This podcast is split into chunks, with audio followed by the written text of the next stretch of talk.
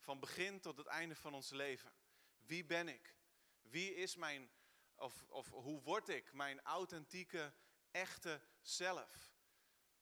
Zit het in, in wat ik doe? Zit het hem in ik mag gewoon zijn? Maar ja, wat betekent dat eigenlijk precies? Ben ik goed? Ben ik slecht? Ben ik verkeerd? Wie ben ik eigenlijk? En we hebben tot nu toe een aantal blokkades eh, besproken die ervoor zorgen dat we niet kunnen uitgroeien tot ons echte ik. Schaamte bijvoorbeeld is een blokkade en zorgt ervoor dat we onszelf verbergen. Omdat we bang zijn dat we niet goed genoeg zijn. We voelen ons schuldig, we voelen ons slecht en dat werkt als een gif wat ons hele leven doortrekt. We voelen ons minderwaardig daardoor, ontoereikend, niet geschikt om kind van God te zijn of om van betekenis te zijn voor God, om Hem te kunnen dienen. We voelen ons niet waard om geliefd te worden door de mensen om ons heen. En soms gaat schaamte zo diep dat het uitgroeit tot zelfhaat. We hebben het ook gehad over de blokkade van afwijzing. De wortel hiervan ligt heel vaak in dat wat andere mensen over ons hebben gezegd of ons hebben aangedaan. Jij bent dom, jij bent lelijk, jij kunt ook helemaal niks. Jij bent degene die we niet uitnodigen voor onze feestjes. Jij, en vul het maar in. Er wordt ons zoveel gezegd, er wordt ons zoveel aangedaan en ons zelfbeeld is hierdoor verstoord. Ons zelfvertrouwen is helemaal weg, of in ieder geval heel erg laag. En we groeien daardoor, door schaamte, door afwijzing, groeien we niet tot ons echte ik. Ons echte ik komt niet tevoorschijn en we zijn niet in staat om die aan de mensen om ons heen te laten zien. En dan introspectie. Ik kan me nog heel goed herinneren, omdat ze niet alleen maar vroeger aanwezig waren, maar ook tot op de dag van vandaag. De dagen en erger nog de nachten. Dat ik wakker lig en dat mijn gedachten rondtollen, dat ik ze niet kan stilzetten, dat ik maar blijf analyseren wat er is gebeurd. Ik denk na over mijn eigen nadeel, uh, aandeel. Ik geef mezelf de schuld voor wat er is gebeurd of wat niet goed gaat, waar dan ook. Ik ben niet in het moment, maar ik ben voortdurend aan het nadenken over dat, wat er is gebeurd. Ik kijk naar binnen, ik kijk nog eens naar binnen en ik blijf naar binnen kijken, verzonken in gedachten, in beschouwingen, in analyses. Ik ben aan het introspecteren. Oftewel, ik doe aan introspectie en ik hoorde al allerlei mensen van tevoren omheen van, wat is dat nou weer voor woord en wat betekent dat precies? Leest u mee, introspectie, letterlijk betekent het naar binnen kijken. Denk aan spektakel, daar is heel veel te zien. Denk aan inspecteren, dan ben je iets aan het nakijken. Het heeft te maken met kijken. En introspectie is naar binnen kijken. Het is, heeft te maken met zelfreflectie, zelfonderzoek. En dit kan, net als schaamte en afwijzing of onzekerheid, een blokkade worden om ons echte ik te worden. En ik ga het hebben over de gevaren van introspectie, maar um, op zichzelf is er natuurlijk helemaal niks mis met zelfonderzoek en met reflectie. Ik wil twee overduidelijke voordelen noemen van introspectie en schrijf mee als je wilt. De voordelen van introspectie zijn zelfkennis en groei. Zelfkennis en groei.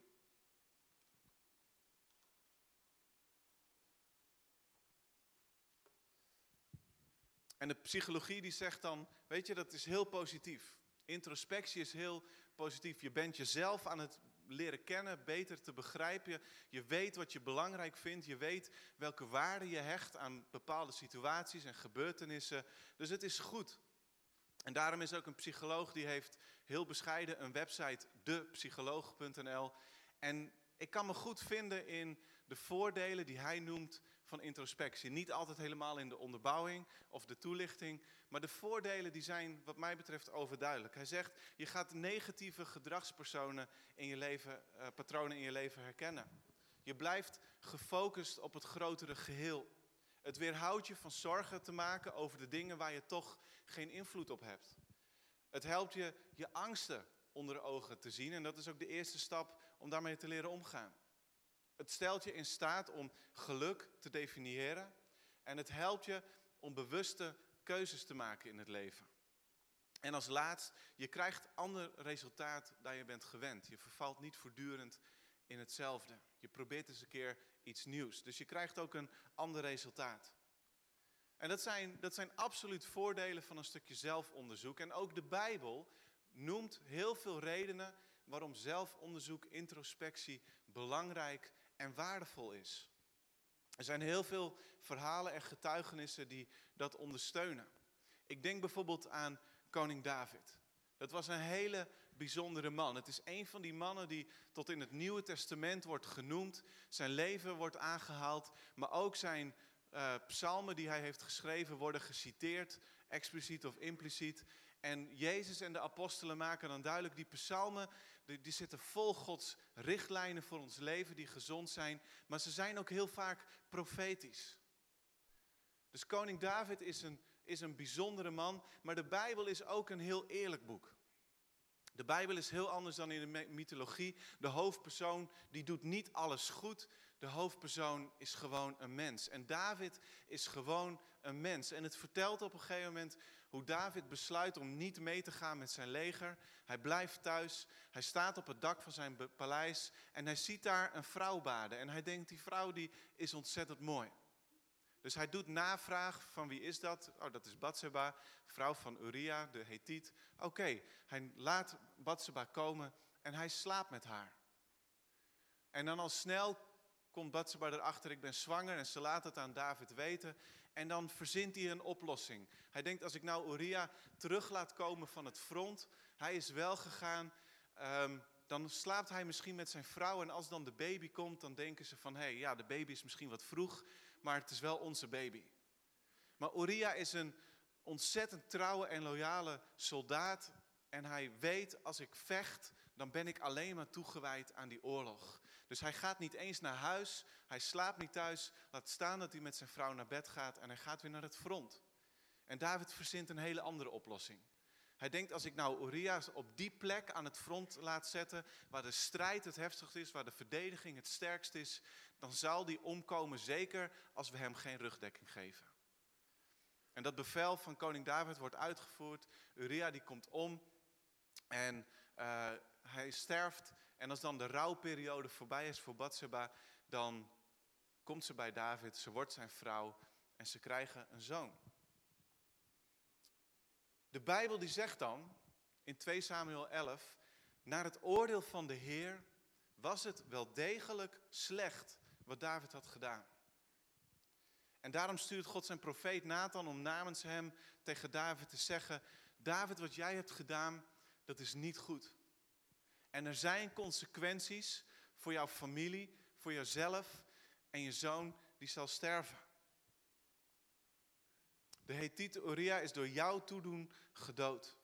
Je hebt zijn vrouw afgenomen en hem in de strijd tegen de Ammonieten laten vermoorden. Terwijl ik je alles heb gegeven. En toch heb je gezondigd.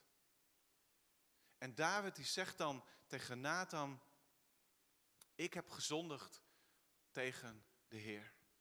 Ik heb gezondigd tegen God zelf. En hij schrijft daar ook over in een psalm, psalm 51. Laten we het samen lezen. Er staat een psalm van David toen de profeet Nathan hen had bezocht nadat hij met Batseba geslapen had. Wees mij genadig, God, in uw trouw. U bent vol erbarmen.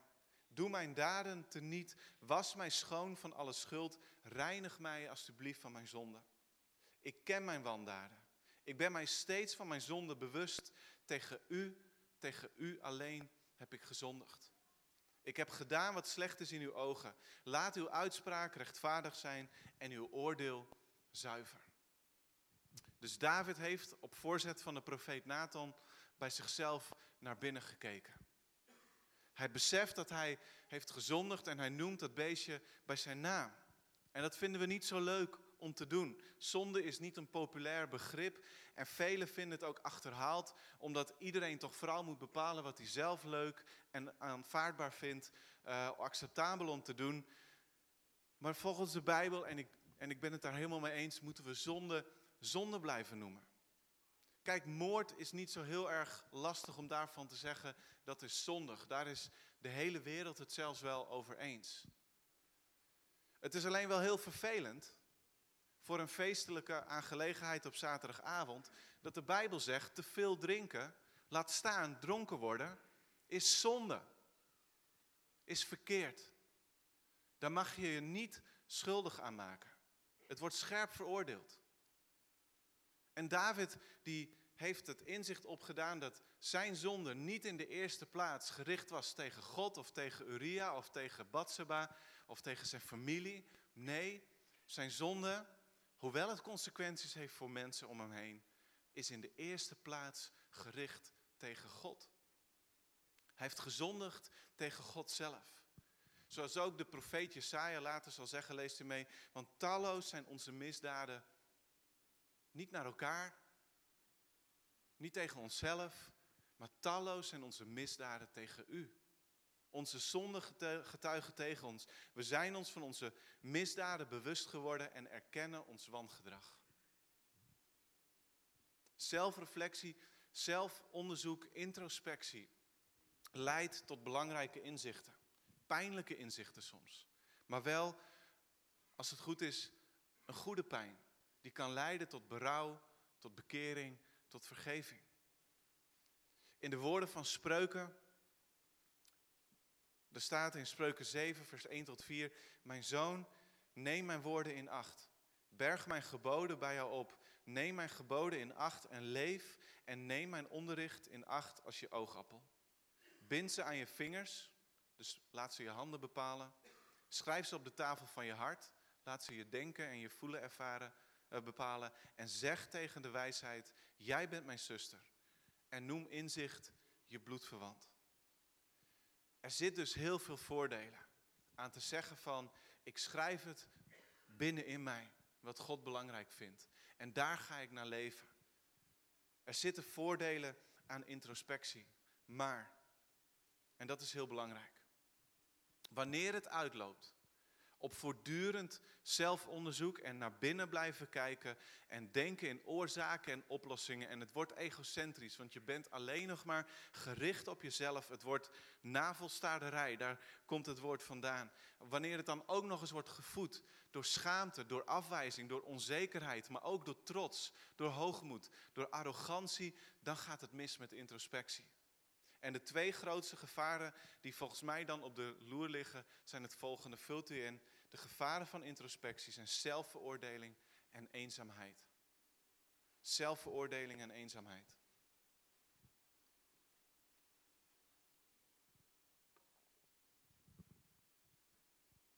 In het eerste deel van deze serie las Julia het verhaal over de twee verloren zonen. De jongste zoon is allereerst verloren. Als hij Terwijl zijn vader nog leeft, wat een klap in het gezicht van zijn vader, zegt ik wil mijn erfenis krijgen. En hij gaat er vandoor en hij leeft erop los en hij verliest alles en hij vindt zichzelf op een gegeven moment tussen de varkens. De oudste zoon is net zo verloren. Wanneer die jongste zoon terugkomt en die oudste zoon denkt van hoe kan het nou dat mijn vader zijn jongste zoon, mijn broer, in genade aanneemt en hem een ring om zijn vinger geeft, hem in zijn waarde herstelt en feest viert. Hoe kan dat nou? Hij doet net alsof er helemaal niks is gebeurd. En op dat moment is die oudste zoon net zo verloren als die jongste zoon was bij de varkens. En die jongste zoon die vervalt in zelfveroordeling. Er staat in Lucas 15, leest u mee. Toen kwam hij tot zichzelf en dacht, de dagloners van mijn vader, die hebben eten in overvloed. En ik kom hier om van de honger. Ik zal naar mijn vader gaan en tegen hem zeggen, vader ik heb gezondigd tegen de hemel en tegen u. Dat is op zich een goed inzicht. En dan zegt hij, ik ben het niet meer waard uw zoon genoemd te worden. Behandel mij als een van uw dagloners. Ik ben het niet meer waard. En ik herken dat zo. Al heel vaak hebben mijn gedachten en mijn analyses mij meegevoerd naar een, een denkpatroon van zelfveroordeling. Ik zie dan alleen nog maar mijn falen, mijn tekortkomingen, mijn zonden. En ik voel me inderdaad onwaardig om nog te zeggen, ik ben een kind van God. En God, u kunt toch absoluut niet meer iemand als mij gebruiken, want ik heb dit gedaan en ik heb dat gedacht. Maar dit is een egocentrische manier van leven, omdat het de ogen op mij gericht houdt. Waardoor ik andere mensen en waardoor ik zeker God niet meer helder kan zien. Het is geen happy place om te zijn. Het is niet mooi om je daar te bevinden. En dan een paar weken later heeft Nicola het over Zacchaeus. We, lezen in Lucas 19, er was daar een man die Zacchaeus heette, een rijke hoofdtollenaar. En hij wilde Jezus zien, om te weten te komen wat voor iemand Jezus was. Maar dat lukte hem niet vanwege de menigte, want hij was klein van stuk. Zacchaeus voelt zich afgewezen vanwege zijn uiterlijk, vanwege zijn reputatie als tollenaar en ook vanwege zijn godsdienstige onreinheid. Hij mag niet meer meedoen aan het godsdienstige leven van zijn volk. En ook dat herken ik en ik denk velen van ons, toen iemand over mij of toen iemand over ons zei, daar heb je die lelijkert. Of daden uit het verleden achtervolgen ons. En het voelt alsof ze op het voorhoofd geschreven staan, zodat iedereen vandaag de dag jou nog afrekent op dat wat in het verleden mis is gegaan. En het gevolg is dat je jezelf isoleert. Want je zit niet te wachten op afwijzing of vermeende afwijzing van andere mensen. Je beschouwt jezelf als zo minderwaardig dat er toch niemand blij zal zijn als jij er bent. Of je begeeft je wel in groepen mensen, maar je laat niemand dichtbij komen, zodat je heel erg alleen bent te midden van een grote groep mensen. De jongste zoon die eindigde toen hij naar binnen keek bij ik ben niet meer waard. En Zacchaeus die eindigde bij te leven in een hele grote stad, heel erg alleen en afgewezen. En de neerwaartse spiraal van introspectie van naar binnen kijken, die leidt hiertoe, leest u mee. Wat ben je bedroefd, mijn ziel, en onrustig in mij. Dat is een, een treffende beschrijving van hoe we ons allemaal soms voelen. Van hoe sommigen vandaag dit gebouw zijn binnengelopen. Ziel, wat ben je onrustig, wat ben je bedroefd in mij. En hoe doorbreken we dan die, die navelstaarderij, die, die, ja, die neerwaartse spiraal van introspectie, van naar binnen kijken en naar binnen kijken en naar binnen kijken, van, van zelfveroordeling en van eenzaamheid. Hoe doorbreken we dat? Vult u in, leest u mee. Richt de ogen van binnen naar boven.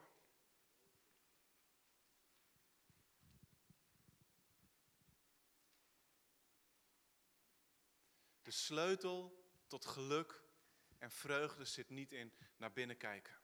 Als je wilt dat je echte ik tevoorschijn komt, als je, dan, dan moet je leren dat het niet het resultaat is van eindeloos naar binnen kijken. Het is niet het resultaat van analyses en van zelfhulp. En, en, soms heb je het idee, ik zit, ik zit eigenlijk bevroren in mezelf, in mijn denken. Ik voel me onmachtig, ik voel me wanhopig. En de weg eruit zit niet dus in zelfreflectie. De weg die we mogen gaan, die we, die we moeten gaan, dat, het, het werk wat God in jou wil doen. En ik geloof ook vandaag is dat hij zegt, we gaan niet langer naar binnen, leest u mee. Dat zijn die woorden van Psalm 43. Wat ben je bedroefd, mijn ziel en onrustig in mij. Maar we keren dat om en we zeggen, we kijken naar boven. En dat zijn de volgende woorden van die psalm. Vestig je hoop op God. Eens zal ik hem weer loven, mijn God, die mij ziet, die alles weet wat ik heb gedaan, wie ik ben, wat ik heb meegemaakt. En die dan zegt, ik red jou. Vestig je hoop op God. Dus nogmaals, er is niks mis met zelfonderzoek en zelfreflectie. Sterker nog, ik denk dat we, zeker als we daar andere mensen bij betrekken, dat we daar heel erg van groeien als mensen. Als we kwetsbaar naar elkaar zijn en het kunnen ontvangen wat andere mensen zeggen. Gezond kritische zelfreflectie leidt tot gezonde mensen. Leidt tot mensen die volwassen worden en bij wie de echte ik tevoorschijn kan komen. Maar in onze relatie tot levens, ons levensstijl en zonde, God wil dat je weet hoe erg die zonde is. God wil dat je weet dat Hij zegt, zonde is een gruwel. Ik vind het verschrikkelijk en ik haat het. God haat het. Toen koning David vreemd ging. Vervolgens de man van die vrouw laat ombrengen, omkomen in de oorlog en haar tot zijn vrouw neemt. Hij vindt het vreselijk. Hij haat het wanneer jij liegt. Hij haat het wanneer je stilt. Hij haat het wanneer jij je belastingpapieren niet eerlijk invult. Hij, hij haat het wanneer je zijn schepping verkwanselt, wanneer je niet goed voor je lichaam zorgt, wanneer je aanzet tot oneenigheid, wanneer je trots bent en hoogmoedig, wanneer je afgoderij bedrijft, in wat voor verschijningsvorm dan ook. Iemand anders krijgt de eerste plek in jouw leven dan God. Hij, hij haat het wanneer je dronken wordt, enzovoort, enzovoort. Voor God is het verschrikkelijk. Maar hij wil niet dat je nadat je gezondigd hebt, nadat je naar jezelf hebt gekeken, naar binnen en zegt van ik heb dat gedaan en dat was niet goed, dat je dan jezelf naar beneden haalt. Dat je jezelf veroordeelt. Dat je jezelf terugtrekt in een eenzame positie. Hij wil niet dat je in een spiraal van zelfveroordeling komt. Van schaamte, van afwijzing. Hij wil niet dat je naar binnen kijkt. Hij wil dat je naar boven kijkt. Hij is de God die na, na dat hele gebeuren van David en Bathsheba zegt in zijn woord, David is een man naar mijn hart. En hoe kan, hoe kan God het nog zeggen over David na alles wat er is gebeurd? Omdat David naar binnen keek en vervolgens zei, maar nu kijk ik naar boven. En hij bad en hij zong en hij schreeuwde het uit. Leest u mee de woorden van Psalm 51. Neem met majoraan, dat is een, een plant in Israël, die komt heel veel voor en die heeft een reinigende werking. En dan zegt David, neem met majoraan mijn zonde weg en dan word ik rein. Was mij en ik word witter dan sneeuw. Laat mij vreugde en blijdschap horen. U hebt mij gebroken, laat mij dan ook weer juichen. Sluit uw ogen voor mijn zonde en doe heel mijn schuld teniet. Schep, o God, een zuiver hart in mij. Vernieuw mijn geest, maak mij standvastig. Verban mij niet uit uw nabijheid. Neem uw heilige geest niet van mij weg. Red mij. Geef mij de vreugde van vroeger, de kracht van een sterke geest. U bent de God die mij redt, bevrijdt. God, u redt mij van de dreigende dood. En ik zal juichen om uw gerechtigheid. Ontsluit mijn lippen, Heer, en mijn mond zal uw lof verkondigen.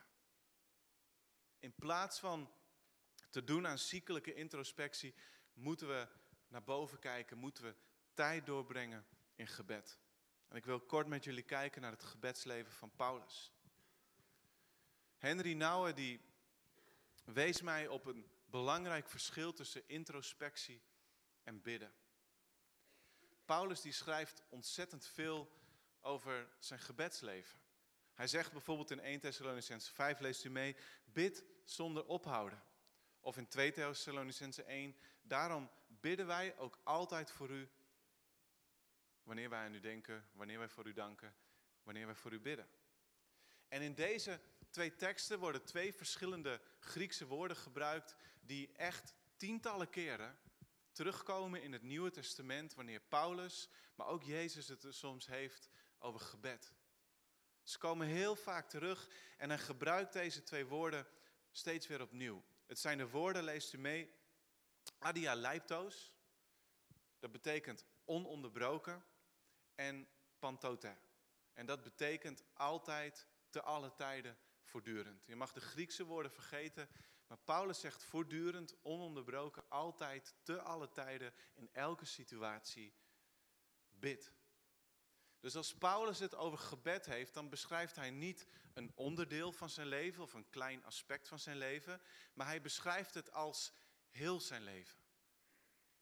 Gebed is niet zozeer iets dat we zouden moeten vergeten, maar het zou iets moeten zijn wat voortdurend onze aandacht, onze belangstelling, onze zorg heeft. We zijn er voortdurend mee bezig. Paulus spoort ons dus ook niet aan om zo nu en dan te bidden of regelmatig te bidden. Hij spoort ons zelfs niet aan om vaak te bidden.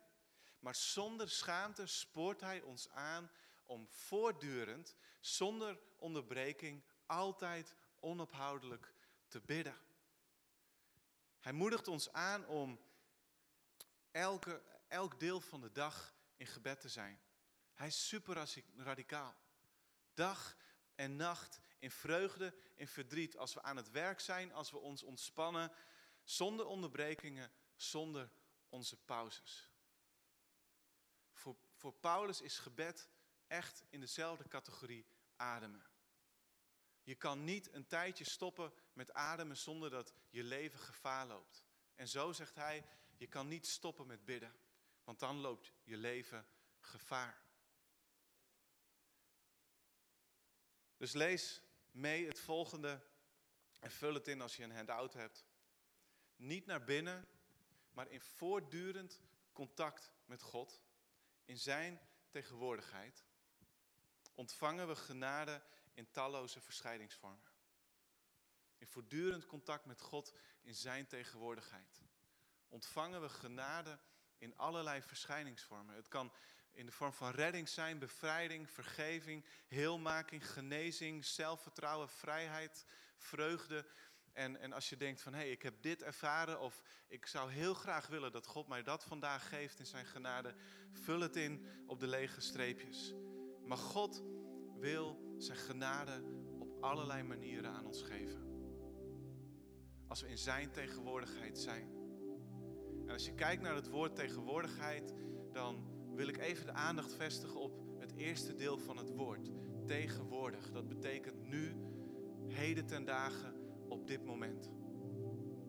Op dit moment, op dit moment is God aanwezig hier. Is God aanwezig in je hart als je hem hebt aangenomen. En wil hij in jouw hart komen en zegt hij, ik ben. Ik ben. Ben er nu en ik was er in het verleden en ik zal er altijd zijn. Ik ben de aanwezige. En als jij naar mij toe komt, kom ik naar jou. Zonder terughoudendheid. Zonder mij in te houden. Kom ik met genade. Je krijgt iets wat je niet verdient, waar je niet voor hoeft te werken, waar je niet slim genoeg voor hoeft te zijn en waar je, wat je niet eens kunt bedenken, ook al kijk je je hele leven lang naar binnen met al de kracht van jouw verstand. Ik geef je. Ik geef je die redding, ik geef je die bevrijding, ik, ik leer je leven in echte vrijheid, ik, ik geef je vreugde in alle omstandigheden. En ik wil jullie vragen om voor de komende week niet gebed in jouw agenda te schrijven op het moment dat het voor jou het beste, uh, het beste tijdstip van de dag is. En ik ga er maar vanuit dat het al in onze agenda staat, mentaal of fysiek. Maar ik wil jullie vragen om te alle tijden, zonder ophouden, op bed, als je je baby aan het verschonen bent, als je aan het spelen bent met je kinderen, als je onderweg bent naar school, als je aan het werk bent, als je een moeilijk gesprek hebt, als je wat dan ook doet deze week te zijn met God. En niet naar binnen te kijken, maar naar boven te kijken, naar God. Om te zeggen, God, u bent erbij. Ik ben me bewust van uw tegenwoordigheid en in uw tegenwoordigheid ontvang ik wat ik nodig heb. En weet je, er zal altijd een stem zijn van jezelf of van andere mensen, tegen mij ook. Maar Jelmer, je bent nooit slim genoeg.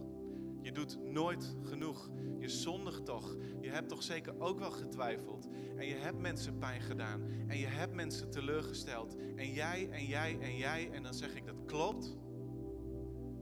Dat is waar. Ik ben schuldig aan het alles. Ik ben niet perfect in mezelf. Maar God.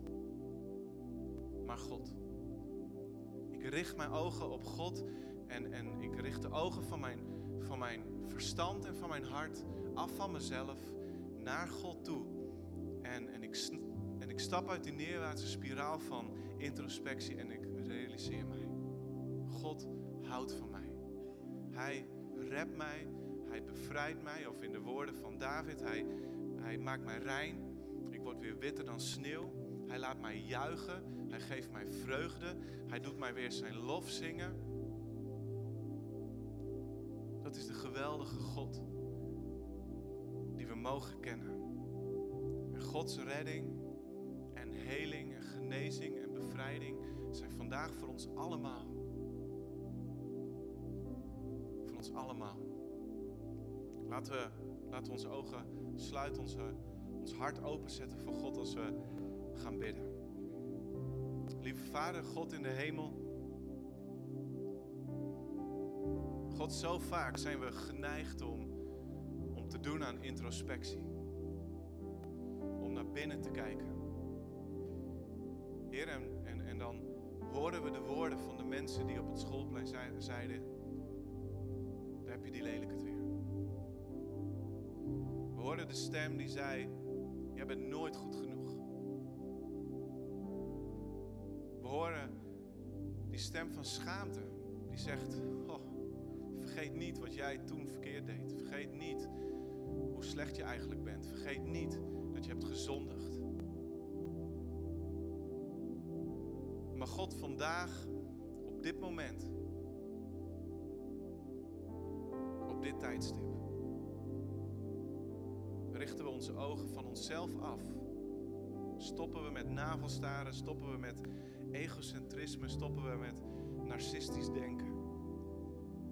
Verdrinken niet langer in onszelf, we verdrinken niet langer in onze eigen redeneringen, in onze eigen aanklachten of die van andere mensen. Maar we richten onze ogen op U. God, en ik bid op dit moment dat U vrijheid geeft. God, ik bid dat U op dit moment Uzelf openbaart aan ons. Ik bid dat, Heer, dat we denken aan het avondmaal wat we zo zullen vieren en dat we denken aan Jezus, aan het kruis die zijn armen wijd open deed en die zei, zoveel houd ik van je. Zoveel houd ik van je. En ik sterf voor jou zodat jij kunt leven. Ik leid pijn voor jou zodat jij kunt genezen. Ik word afgewezen en de grond in getrapt en bespuugd zodat jij aangenomen wordt. Zodat jij geaccepteerd wordt. Zodat jij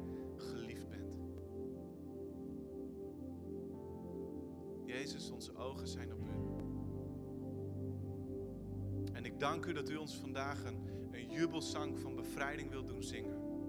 Ik bid dat u een nieuw lied in onze mond geeft.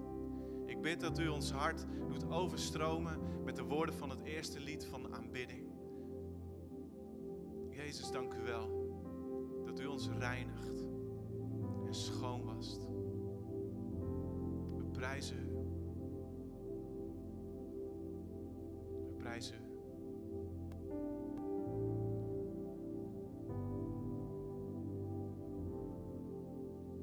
we voelen ons geliefd. We voelen ons geaccepteerd. We voelen ons vergeven. We voelen ons aanvaard. We voelen ons waardig. Om een zoon,